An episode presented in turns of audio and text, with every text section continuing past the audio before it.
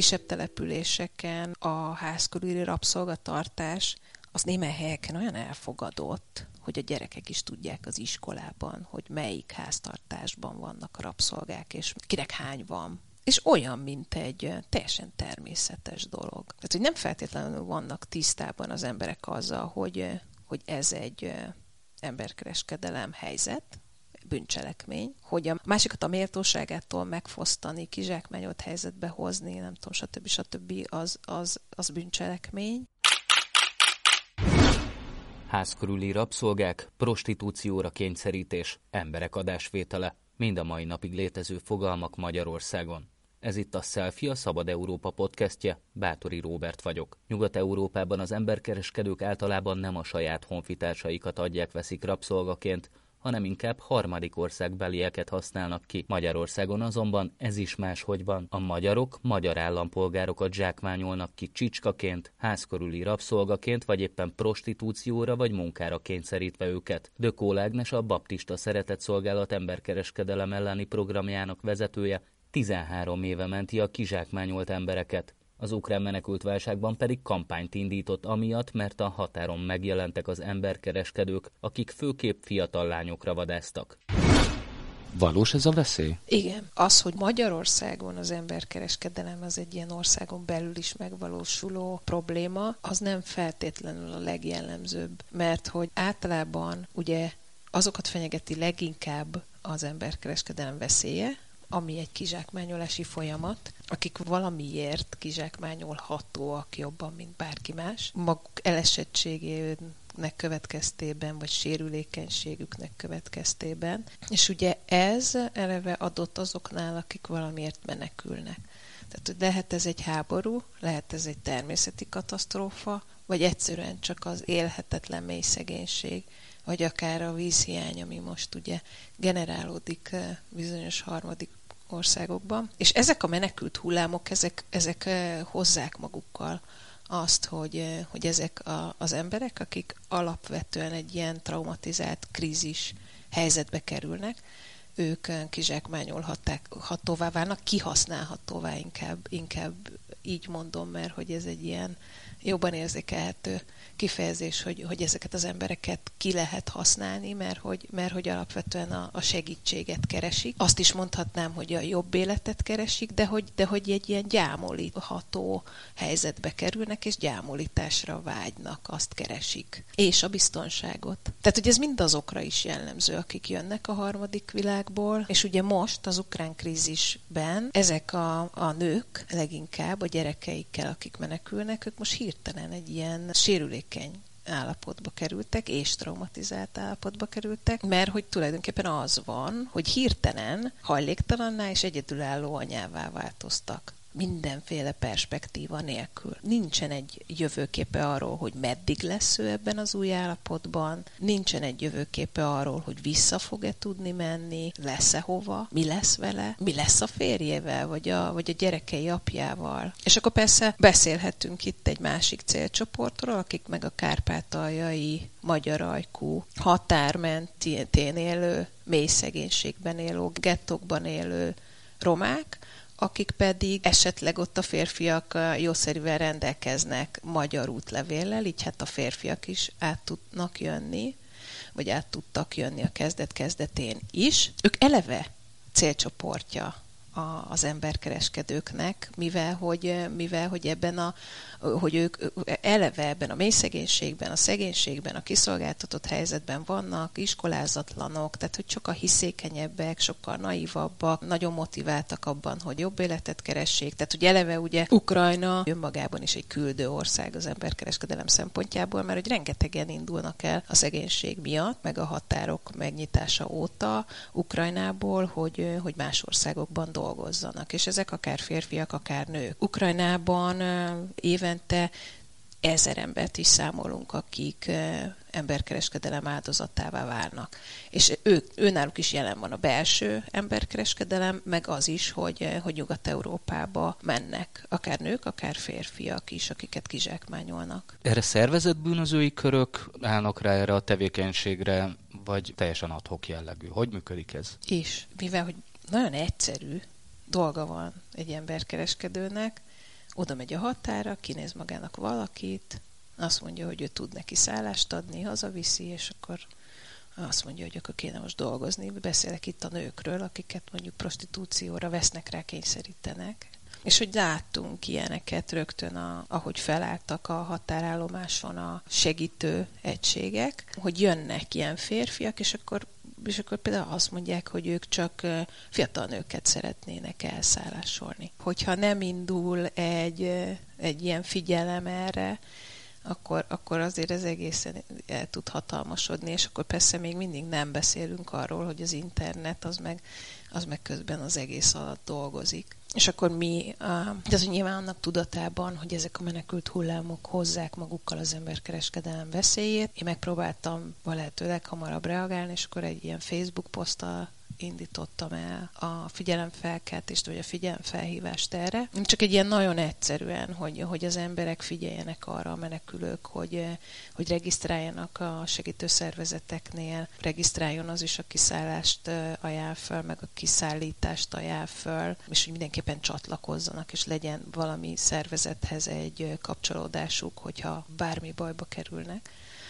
És akkor ebből elindult egy ilyen, tehát hogy így nagyon gyorsan szétosztották, és elindult egy médiakampány, aminek azért örültem, mert hogy akkor, akkor az növelte azt, hogy, hogy bekerüljön a közbeszédbe. Mert ugye készítettünk szórólapot a miniszterelnökséggel közösen, ők készítették, mi megsegítettünk abban, hogy mi legyen rajta. Kikerült 50 ezer szórólap, szerintem a háború kitörése után tizedik nap körülbelül. A határokra, akkor még a pályaudvarokra, Népligethez, és azóta is megy az utánnyomás, és megy mindenhová, ahol a, ahol a menekültek eh, így csapatostul megfordulnak. De hogy azért azt is kell számításba venni, hogy borzasztó fáradtak, lelkileg is, fizikailag is, és hogy eh, nagyon kevés információt tudnak befogadni, és keresik a segítséget. Úgyhogy azért gondoltam, hogy ha valahogy erről beszélünk minél többet, és bekerül a köztudatba, akkor az segít. Mire használják ezeket a nőket? Mire kellenek az emberkereskedőknek? Hova viszik őket? Tehát, hogy Magyarországon belül is egyszerű a dolog, hogy felrakják a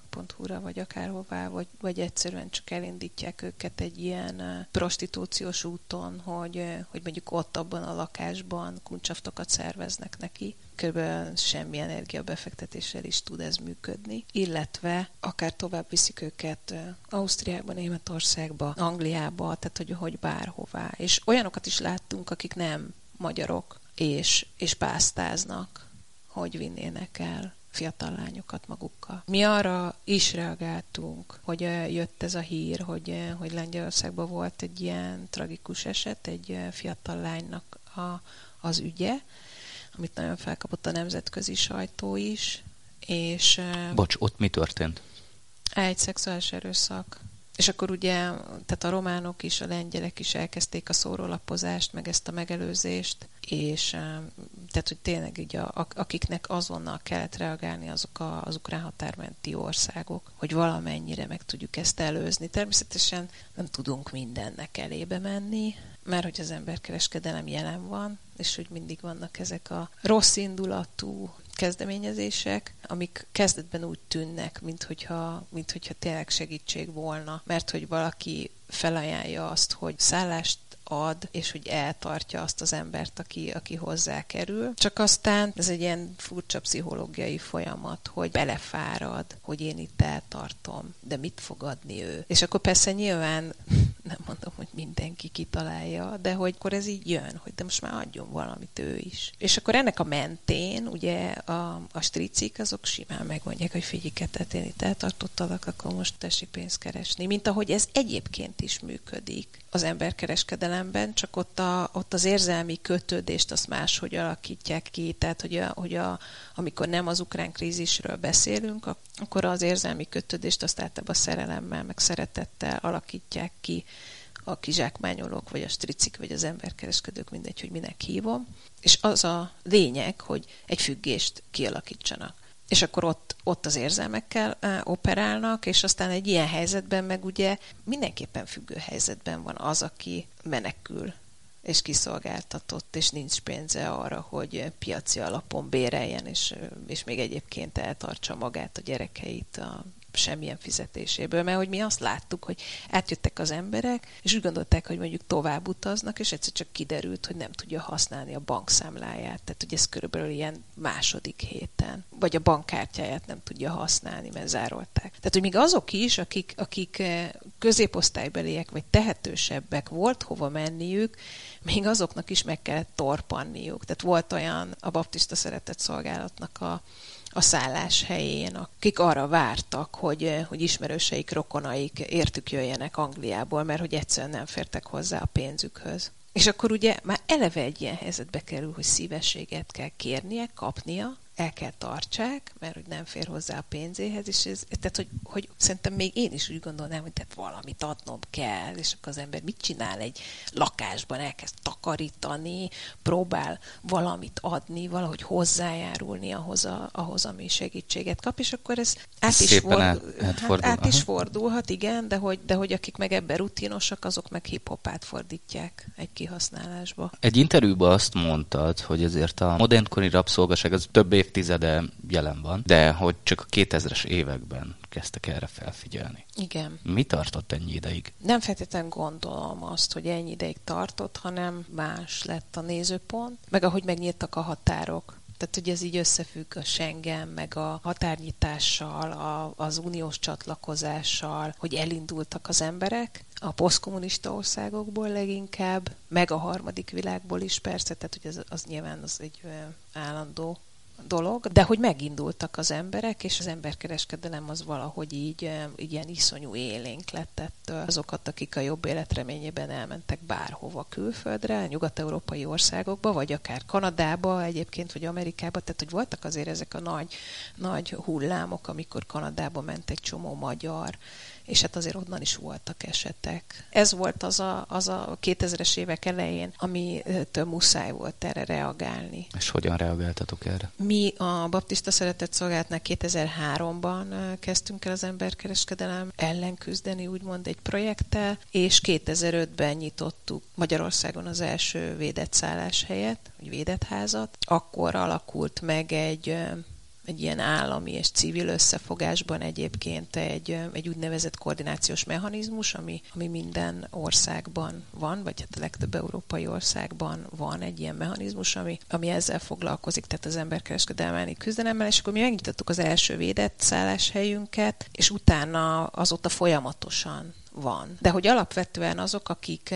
akik megfordulnak nálunk, azok legnagyobb százalékban azok a nők, akiket szexuális kizsákmányolás ér, vagy egy ilyen hosszabb folyamatban vannak benne. És aztán persze természetesen ott vannak azok is a, azok a férfiak, akik eh, munkacélú kizsákmányolás áldozatai, tehát itt lehetnek, eh, voltak olyan klienseink például, akik eh, Angliába mentek el egy matracgyárba dolgozni, vagy 50 magyar, két magyarnak a kiszervezésében, tehát hogy mindig van egy ilyen alvállalkozó, egy menedzser, aki toborozza az embereket a munkára, akár gyárakba, akár építkezésekre, és akkor aztán jön a fekete leves, hogy kiderül, hogy ott a, a szállás az, az ilyen elég lehetetlen életkörülmények vannak, és akkor nem kapnak rendesen enni, meg semmit, meg aztán elveszik a pénzüket és ott volt például 50 férfi Angliában, akikből többen a mi szolgáltatásainkat eh, élvezték, hogy úgy fejezem ki magam hogy hazajöttek Angliából. Ott a kinti szervezet vette fel velünk a kapcsolatot, aki elkezdte őket segíteni, mert hogy volt egy rendőrségi akció, amiben ezt teleplezték. Ezek az emberek szabadon elsétálhattak, tehát ők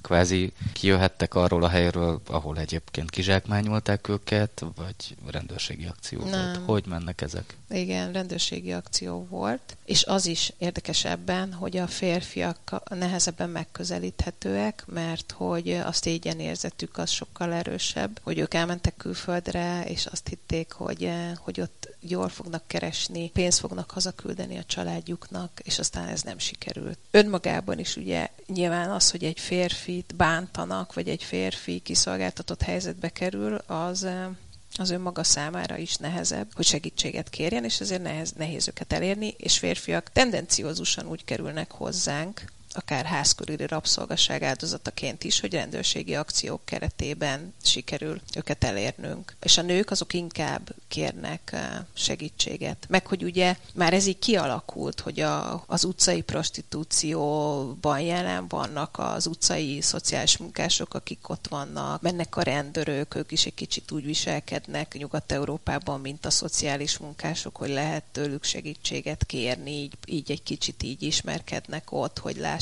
hogy, hogy ez nem egy olyan erőszakszervezet, akiktől félni kell, tehát hogy, hogy valamivel könnyebb ez a nőknek, hogy segítséget kérjenek. Lehetne egyébként ez, hogy, hogy, hogy az építkezéseken is, meg a gyárakban is elindulnak, ahol vendégmunkások vannak, és tehát ilyen segítők és nézegetik, csak hát nyilván ez egy ilyen nagy számú dolog, meg nem annyira központosult, mint, a, mint mondjuk egy utcai prostitúció.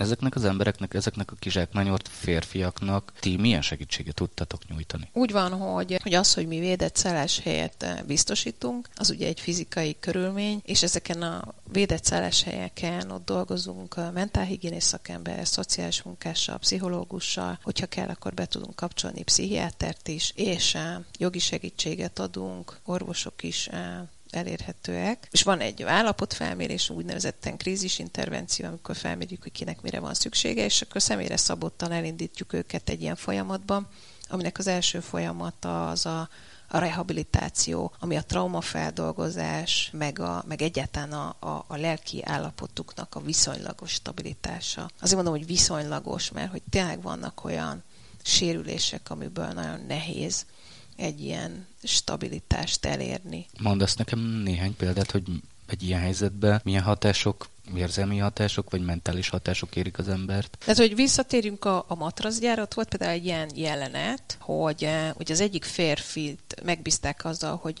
targoncán dolgozon, de ő nem tudott targoncát vezetni. És hiába is mondta, hogy ez nem fog neki menni, de akkor is azt kellett csinálja, és felborult a targoncával, ami ráesett a lábára, és, eh, és nem látták el időben, úgyhogy a lábát amputálni kellett. És ez egy ilyen 40 év körüli férfi, aki egyébként egy, eh, egy teljesen tök jó életet menedzselt itthon, meg eleve az, hogy ott vannak ebben a, ebben a megalázott és kizsákmányolt helyzetben, amiben az emberi jogaik azok így teljes mértékben a sárba vannak tiporva, abból azért nagyon nehéz kijönni. Hogy nem tudtak megszokni? Fogba tartották őket? Ezek nem feltétlenül ilyen, hogy akkor most ő le van bilincselve valahová, vagy be van zárva, de hogy állandóan figyelik őket. A, a bankkártyájukat hiába kapták meg, azt elvették tőlük, együtt elmentek, vagy együtt elmentek velük fölvenni a fizetésüket, és állandó kontroll alatt voltak, hogy pontosan tudják azt, hogy ők hol vannak, együtt volt a szálláshelyük, úgyhogy mindig volt valaki, aki, aki figyelt rájuk. Mennyi idő kell ezeknek az embereknek, amíg egy ilyen trauma után el tudjátok engedni a kezüket, és mi kell ehhez? Változó, mert okozhat olyan maradandó sérülést is egy ilyen helyzet például. Persze más típusú dolog a, az, hogy valakit szexualizálnak mondjuk egy, egy nőt, de hogy ez előfordul, hogy egész kicsi korban szexualizálnak gyerekeket mondjuk ilyen óvodás korban, és az okozhat egy olyan idegrendszeri sérülést, meg, meg egy olyan agykárosodást, ami aztán később egy, egy pszichiátriai korképé alakul, és hogy ebből nem feltétlenül lehet őket meggyógyítani. Úgyhogy vannak olyan klienseink, akik vagy mentális fogyatékkal élnek, vagy olyan pszichiátriai korképpel, amit nem tudnak önálló életet vinni. Akármennyit is dolgozunk velük, el tudunk jutni egy pontra, amiben ő tud mondjuk dolgozni, vagy működni, de hogy muszáj egy olyan háttere legyen, amiben állandóan körülötte vannak a segítők, hogy, hogy ne lehessen őt újra kihasználni. De hogy alapvetően, hogyha nincs egy ilyen vad helyzet, amiben, amiben valaki ennyire sérül, akkor, akkor én azt tapasztaltam, most 13 éve dolgozom már ebben, hogy egy olyan másfél év az, amíg, amíg eljutnak arra a pontra, hogy annyira megerősödnek, hogy itt nyilván az önértékelés, az önbizalom az, ami a, a legnagyobb erősítésre szorul, hogy hogy megtudják, hogy kiengedhetjük őket egyedül a munkaerőpiacra, és persze kísérve őket, meg támogatva őket, meg, meg ott vagyunk mögöttük, hogyha segítségre van szükségük, akkor, akkor ők már azért így elindulhatnak másfél év után körülbelül. Van, akinek a lakhatásába is beszálltok pénzzel, hogy kikerülve a védett házból esetleg tudjon hol lakni. Gyakran előfordul, rendszeres, és ha igen, akkor még mivel tudjátok őket segíteni? Vagy mivel kell? Igen, ez a lakhatási probléma az, az egy kulcskérdés hogy hova tovább a védett házból. Van egy kiléptető házunk, ami úgynevezett félutas ház, ahova mennek eh, először, vagy tudnak menni, hogyha, hogyha közelünkben maradnak, de és némelykor eh, most is fut egy ilyen pályázatunk, amiben képesek vagyunk arra, hogy eh, albérletet biztosítsunk a lakóinknak, amikor ők az önálló életre felkészültek. De hogy ezek rövid projektek, tehát hogy ez egy két éves projekt, és nem tudom megmondani, hogy mi van utána, mert hogy ezek piaci alapon bérelt ingatlanok, amit nem biztos, hogy ő fenn fog tudni utána tartani, sőt biztos, hogy nem. Mert hogy ahhoz azért elég jól kell keresni, ugye, hogy mondjuk minimum 150 ezret az ember a lakhatására kölcsön Budapesten, és akkor még csak egy ilyen kicsi egyszobás valamiről beszélek, hogy aztán marad még a vidék, akkor ami még segítség lehet az az, hogy, hogy vannak ugye sokan, akik eleve a gyermekvédelmi gondoskodásból jönnek. Még azt szoktuk csinálni, hogy valamilyen támogatást próbálunk még összeeszkábálni az életkezdési pénzükhöz, és akkor abból venni valamit, mert hogy, mert hogy van egy védett szálláshelyünk vidéken is, és ott már elég jól körbe bástyázta magát a kolléganőm, mert hogy ott olcsóbbak az ingatlanok, vagy igen olcsók, és akkor sok kliens van, aki ott körülötte maradt, vagy így a megyében. Néhány évvel ezelőtt egy nemzetközi szervezet készített egy felmérést a modernkori rabszolgaságról, amelyben Magyarországra is kitértek, és akkor azt mondták, hogy Magyarországon körülbelül 36 ezer modernkori rabszolga élhet. Szerinted ez a szám, ez érvényes még ma is, illetve akkor is az volt? Mit gondolsz? Nagyon érdekes az, hogy néha, hogy felszoktam háborodni, engem meg se kérdeztek, hogy nálunk hányan voltak, hogy, hogy kik azok, akik a, a, a számokat adják. Tehát, hogy ők csak azokból a számokból tudnak uh, dolgozni, a, a, akik valahol regisztrálnak. Tehát, hogy van, van leginkább... Tehát aki ugye, megjelenik a rendszerben. A rendszerben, igen. És őt egy Excelbe beírják. Leginkább lehet ez egy mondjuk egy rendőrségi rendszer, amiben megjelenik, vagy azt számolják, hogy hány ítélet volt, vagy hány rajtaütés volt, vagy hány, nem tudom, egyet tetszett, hogy ezek, ezek a folyamatok. Illetve, hogy, hogy Nyugat-Európában még az is van, hogy az úgynevezett szexmunkások, azok regisztrálnak, amikor belépnek az országba, hogy ők akkor ezt a tevékenységet szeretnék folytatni, és akkor ott valamennyire tudják követni, de hát az önmagában ugye nem a, az emberkereskedelem áldozatoknak titulált e, csoport, hanem akik szexmunkára regisztráltak. De hogy ugye ezeket a számokat azért, azért lehet követni, akár hogy, hogy hány magyar regisztrál. Például az Eurostat, amiket az, az EU-nak a statisztikai rendszere az évente olyan 900 körül jelent a magyarokról. Mi egyébként az első háromba vagyunk, Bulgária és Románia mellett, ahhoz képest, hogy, hogyha azt értjük, hogy területileg meg létszámilag százalékos arányban ez mit jelent és, és Ukrajna is egyébként ott az első ötben mozog, vagy hát ezek váltakoznak, ezek a, a dobogós helyek. Nagyon bonyolult ez, mert hogy iszonyú a látencia, hogy, hogy kik azok, akik megjelennek ugye bármilyen rendszerben, akár a szociális ellátórendszerben, hogy felismerje a családsegítő, a hajléktalan szálló, a gyerekvédelem, hogy, hogy most itt emberkereskedelem áldozatáról van szó, és ezért regisztrálja valahol, vagy sem.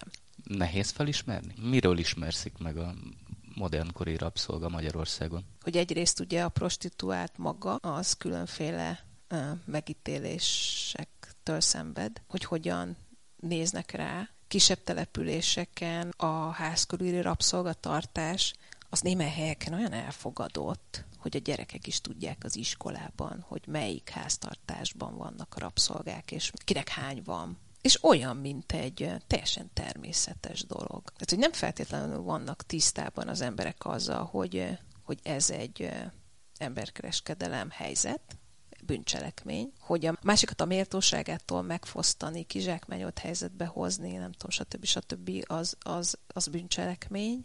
Én azt gondolom, hogy, hogy ezek ilyen jó kis örökségek, mint a falu bolondja, akit mindenre lehetett használni, prostituáltként is lehetett használni, vagy meg se fizették, csak használták a testét, használták mindenre, dolgoztatták, háztartásban is, szexualizálták is, tehát hogy szerintem, és mindenki röhögött rajta. És, és jellemző az is, hogy, hogy ezek az emberek, akik az úgynevezett falu bolondjai voltak, ők valamilyen fogyatékkal élnek. És azt gondolom, hogy ezek sajnos még nem koptak ki a társadalomból, a másik pedig az, hogy az egyénnek a közvetlen biztonságát nem érinti. Ez nem olyan, mint egy rablás, vagy nem olyan, mint a betörés. Nem látják azt, hogy esetleg emiatt valós büntetést kaphat az, aki ezt csinálja? Nem veszélyezteti. Tehát, hogy engem mit zavar, hogy vannak-e hajléktalanok, vagy prostituáltak, hát semmi közöm. Feltartja a kezét és elfordul. Nem az én dolgom. De hogy a családon belül erőszak is olyan, hogy nem szól szám, nem fáj fejem, kicsit olyan, hogy így a szomszéd az nem fogja felnyomni, hogy izé, hogy ott, ott veri a feleségét, mert hát most nekem mi közöm hozzá. Bántalmazásnak az elfogadása, az is, az is még nehezen kopik, hogy ezt ne fogadjuk el. Persze fasiszta, kommunista örökségek az, amikről beszélünk, amik ráülnek a társadalomra, és eleve ez a, ez a szeretetlenség, a mi haszna gyerek, az asszonyverve jó, meg ezek a dolgok, amik amilyen motivumok azért én nagyon bizakodó vagyok, hogy, hogy, hogy ki fognak kopni, mert hát azért most már legalább körmös nem osztanak az iskolában. Azt mondtad, hogy a top háromba vagyunk Európában. Ezt mutatják a számok, hogy ez kikopóban van? Azt mutatják a számok, hogy hasonló számokat mutatunk, mint a harmadik országbeliek, tehát mindig megvan, melyik országban kik vannak a legtöbben, egy időben Zürichben volt 81%-ban a, a magyar nők, 81%-ban voltak jelen, de hogy vannak mindig ilyenek, hogy nigériaiak vannak a legtöbben, meg a táj, a nők is rengetegen vannak Európa szerte, de hogy ez egy nagyon sajnálatos tény, hogy, hogy mi egyszerre vagyunk olyanok, mint a harmadik világ, és egyszerre vagyunk jóléti társadalom, úgynevezett EU-s tagállam, ahol minden megvan. Ez azért érdekes, mert hogy úgy vagyunk nyilván tartva, mint az Európai Uniós államok, ugyanazok a kötelezettségeink vannak, hogy hogyan lássuk el a, az emberkereskedelem áldozatot, áldozatokat, csak közben ezek a sajátjaink. Tehát, hogy mi nem feltétlenül, mint ahogy Nyugat-Európa, a harmadik országbeliekkel foglalkozunk, mert meg se állnak itt. Természetesen jelen van, az ebben a közegben is az emberkereskedelem, de hogy nem feltétlenül ez a, ők, ők, ők képviseltetik magukat a legnagyobb számban, hanem elbajlódunk mi itt a sajátjainkkal is, tehát hogy, hogy így mindent kéne csinálnunk egyszerre. Egészen más a, a, a generáltora ennek az egésznek, hogy, hogy hogyan vizsgál nyugat-európai, mondjuk egy belga, egy afrikait, hogy azzal mit kezdjem. Mi pedig, amit én látok, vagy amit láttunk így a munkánk során a, a baptista szeretett szolgálatnál, az az, hogy, hogy azok a, a férfiak is, és azok a nők is, de hogy beszéljünk biztonsággal mondom a nőkről, hogy mindenkinek a gyerekkorában megjelent a, a szexuális vagy a fizikai bántalmazás. Mert a verbális bántalmazást azt már szinte meg sem említem, mert hogy az persze. Mindenki, aki prostitúcióba keveredett, annak megvan ez a múltjában. Az elkövető is bántalmazott volt, tehát hogy a férfiaknak is megvan ez, a, ez az életében. Úgynevezetten diszfunkcionális családból jön, ami azt jelenti, hogy működésképtelen a család, lehet, hogy a szülők szerhasználók, alkoholisták, vagy az egyik, vagy a másik, mély szegénység, hányatatott sors, nem tudom mi, de hogy a bántalmazás ez nagyon fontos faktor, mert hogy ezzel azt is szeretném mondani, hogy nem csak a mély szegénység termeli ki azokat az embereket, akik áldozattá válnak, hanem a bántalmazás leginkább. Találkozom olyanokkal, akik fehér középosztály gyerekei szexuális bántalmazást szenvedtek el óvodáskorukban, családon belül, és ők áldozattá válnak, aztán, hogy, eh, hogy szerhasználó lesz-e belőle, mert azzal gyógyítja magát, vagy gyógyszerfüggő, vagy pszichiátriai korképe lesz. Ez azon is múlik, hogy mikor jön be a korrekció. Mikor látja meg a gyermekvédelem, mikor tud segítséget kapni a gyerek.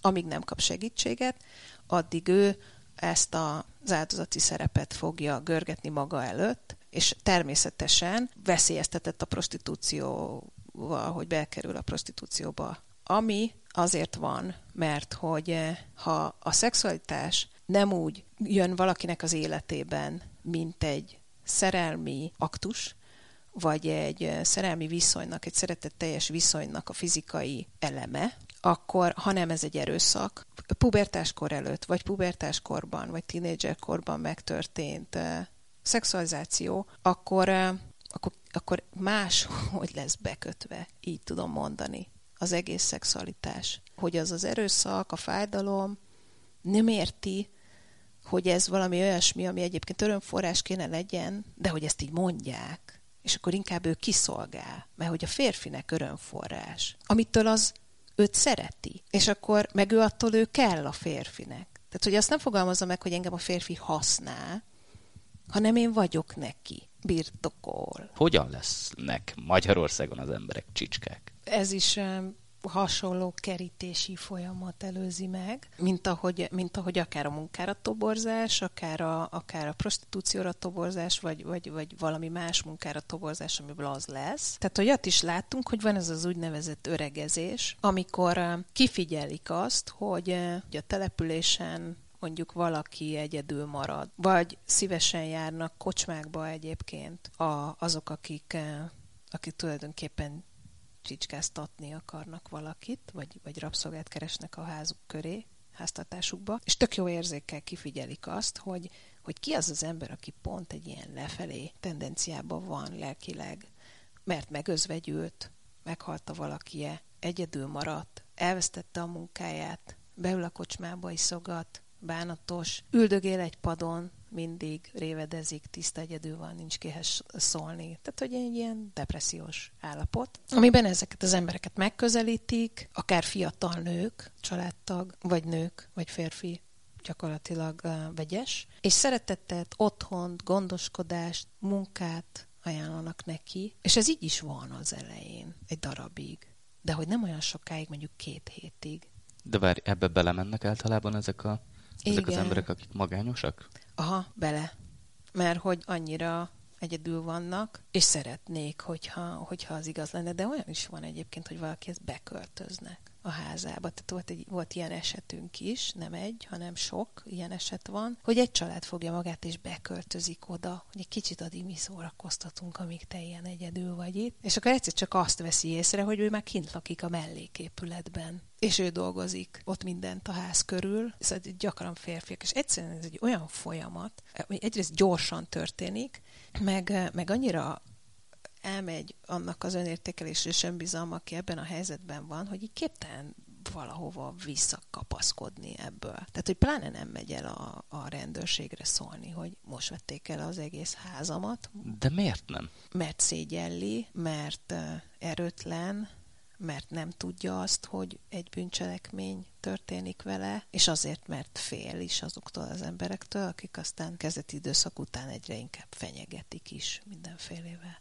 Mikkel szokták általában őket? Hogy megölik, ha szól valakinek, verik, ha valamit nem csinál meg nekik, följelentik a rendőrségen, hogy aranyat lopott tőlük, vagy hogy bármi értéket, vagy hogy azt fogják mondani. Ha megpróbál elszökni, akkor így fogják keresni, hogy lopott tőlük, kirabolta őket, ilyesmi.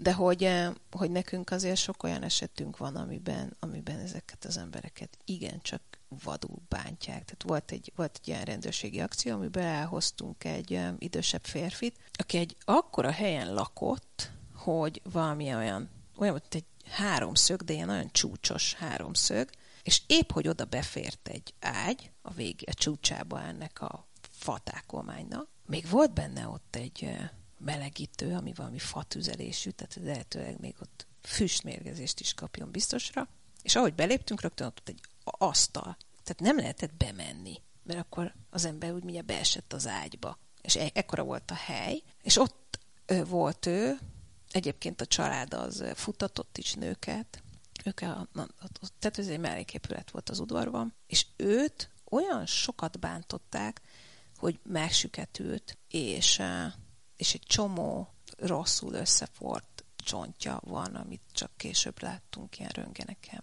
inkonzisztenciával küzd, stb. Hogy azért itt minden megy. Mert hogy ezeknek az embereknek az a célja, az is a célja, hogy hogy ezek az emberek azért mi hamarabb meghalljanak. Főleg akkor, hogyha elveszik az ingatlanjukat. Mert hogy aláíratnak velük végrendeleteket, vagy eltartási szerződést kötnek velük. És akkor, és akkor nekük az érdekük, hogy itatják rendszeresen őket, tehát hogy nem az van, hogy valaki feltétlenül alkoholista eleve, de hogy egy ilyen helyzetben azzá válik, mert hogy ezekkel a viszonylag rossz minőségű italokkal italokat adják nekik, és tökre rászoktatják őket az alkoholra, meg, meg, meg, meg fontos az, hogy egy ilyen, egy ilyen egészségromlás az, az, az mi hamarabb végbe menjen ti milyen kapcsolatban vagytok a rendőrséggel és ezeket az ügyeket, hogy göngyölítitek fel? Van egy hivatalos együttműködésünk a rendőrséggel, az ORFK-val, és egymást segítjük kölcsönösen. Tehát ugye a rendőrség, hogyha megy egy, egy rajtaütésre, ahol feltételezik azt, hogy, hogy emberkereskedelem áldozatok vannak akár nők, akár férfiak, akkor, akkor sokszor kérik a segítségünket, hogy menjünk velük, és akkor azonnal tudunk foglalkozni az áldozattal, mert hogy az egy másik narratíva a, a segítő. Nem is értik ilyenkor az emberek, hogy megjön a kommandó, tehát mászik a kerítésen, és hogy, hogy, hogy, hogy, tehát, hogy ösztönszerű, hogy ő is fél, meg hogy akkor most itt mindenkit elvisznek, akkor biztos ő is elkövető. És akkor ez nagyon hasznos tud lenni, hogyha ott van egy segítő, aki rögtön elkülönítve vele foglalkozik, és, és arról biztosítja, hogy hogy segítséget fog kapni, és hogy ő nem bűnöző, és hogy nem elkövető, hanem, hanem egy olyan ember, akit tehát nem, nem szoktuk nekik mondani, hogy áldozat, mert hogy azt úgy úgyse tudja most ott, de hogy, vagy hogy nem kell ezzel szembesíteni, hanem hogy akkor, akkor fog kapni segítséget, lesz hova mennie, mert ilyenkor iszonyan félnek attól, de hogy hova fog menni, meg mi fog vele történni. Tehát, hogy, hogy ilyen zéró perspektíva van, hogy, hogy, hogy nincs lakása, se semmilyen, se rokona. Miért olyan nehéz a dolgotok? A csicskaság kapcsán. Ezért, mert nem kérnek segítséget egyfelől, tehát hogy nem lehet hozzájuk férni, és a bántalmazónak a, már hogy ez egy bántalmazó szituáció, a környezetében szinte képtelenség őket leválasztani. Tehát én nem tudok oda bekopogni, és azt mondani, hogy akkor jöttem segíteni, mert akkor azonnal onnan el kell vinni. És ő úgy, hogy bent vannak a házban, és ő kint van az udvaron, nem fogja azt mondani, hogy neki itt rossz, mert úgy fél. Miket szoktak általában mondani? Jó neki itt, köszöni szépen, nincs itt semmi probléma, őt nem bántják. Hát igen, de hát is mondja valaki, de, mert hogy van úgy, hogy azért családsegítők kimennek. És akkor látják, hogy mondjuk ott laknak egy ilyen száz éves lakókocsiban, ahol itt semmi nincs, és ilyen borzasztóan lerohadt az egész. És akkor mondja, ne, jó, van ő itt. És akkor tulajdonképpen azt mondja, amit belesújkolnak.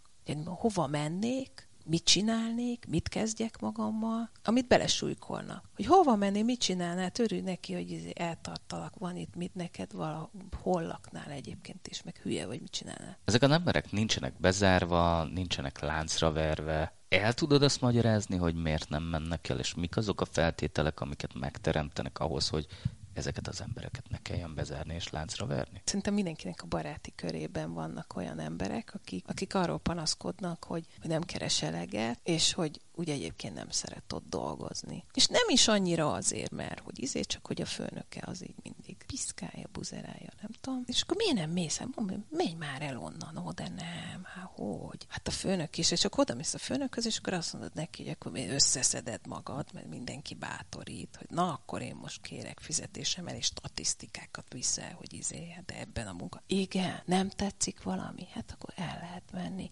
holnap ott fölveszem az első járók előtt, aki jön erre a munkakörre. Ez nem egy bonyolult dolog. Ez, hogy akkor menjél, ja, hogy te olyan ügyes vagy, hogy sokat fogsz keresni máshol, akkor mehetsz. Holnap meg most írjuk meg. Tehát, hogy ez simán megy. És akkor egyszer csak az van, hogy nem megy el, nem hiszi el magáról, hogy ő elég jó ahhoz, hogy, eh, hogy többet keressen egy másik munkahelyen. Tehát, hogy szerintem nagyon egyszerű. Stockholm szindrómáról is beszélhettünk, de hogy talán az egy De kicsit... hogy ez az? Hát ez egy ilyen kötődés, mert hogy, mert hogy ott van az ember, és hirtelen, egészen észrevétlenül lecsúszik a Maslow piramis aljára, hogy csak a biológiai szükségletei vannak kielégítve, de hogy ez az igénye.